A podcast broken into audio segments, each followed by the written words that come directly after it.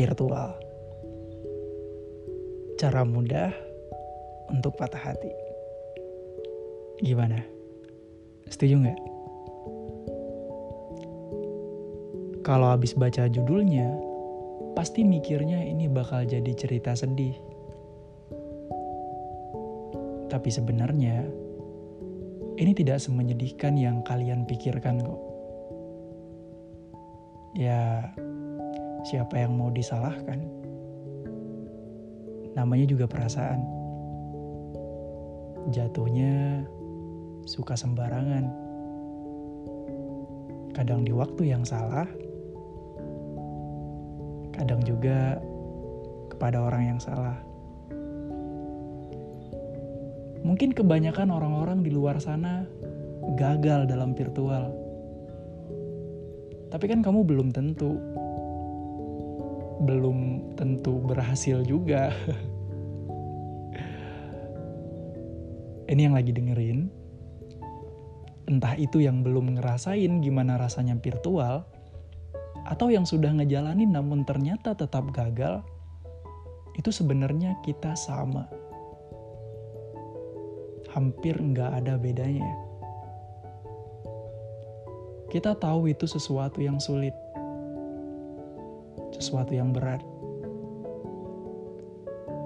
juga sesuatu yang gak sederhana. Namun, kita tetap memilih untuk melanjutkannya. Memang sih, terdengar rada nekat. Tapi ya, begitulah cara cinta bekerja hal-hal yang semulanya tidak masuk akal jadi bisa diterima di logika. Mungkin akan sedikit aneh jika diceritain ke orang-orang.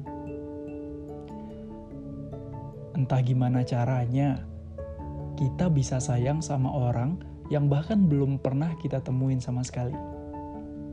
Coba, gimana? Kok bisa?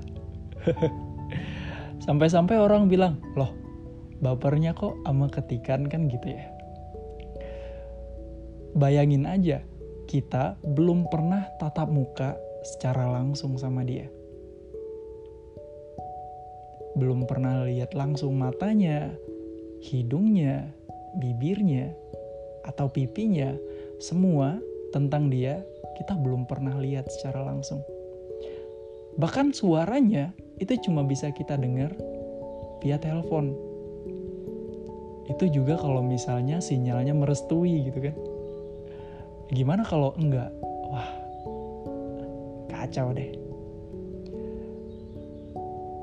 Tapi ya begitulah virtual. Disepakati oleh dua orang dijalani oleh dua hati tapi anehnya yang tersakiti di akhir biasanya cuma satu. Tahu nggak itu siapa? Itu adalah mereka yang mencintai tanpa berpikir bahwa sejak awal hubungannya memang tidak pernah pasti. Aduh, gimana?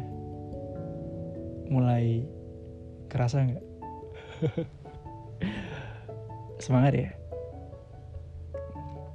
mungkin kalau misalnya dipersenin hubungan virtual itu memang banyak banget yang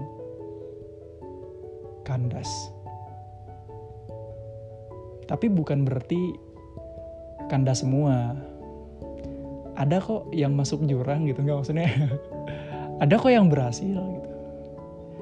Dan lewat podcast kali ini saya ingin ikut mendoakan semoga kalian yang lagi ngejalanin masuk ke yang berhasilnya biar tidak ada lagi cerita-cerita sedih. Biar tidak ada lagi tangis-tangisan malam yang tidak jelas. Dan lewat ini pula saya ingin mengingatkan hati-hati. Karena sesungguhnya kita manusia tidak pernah siap dengan kehilangan.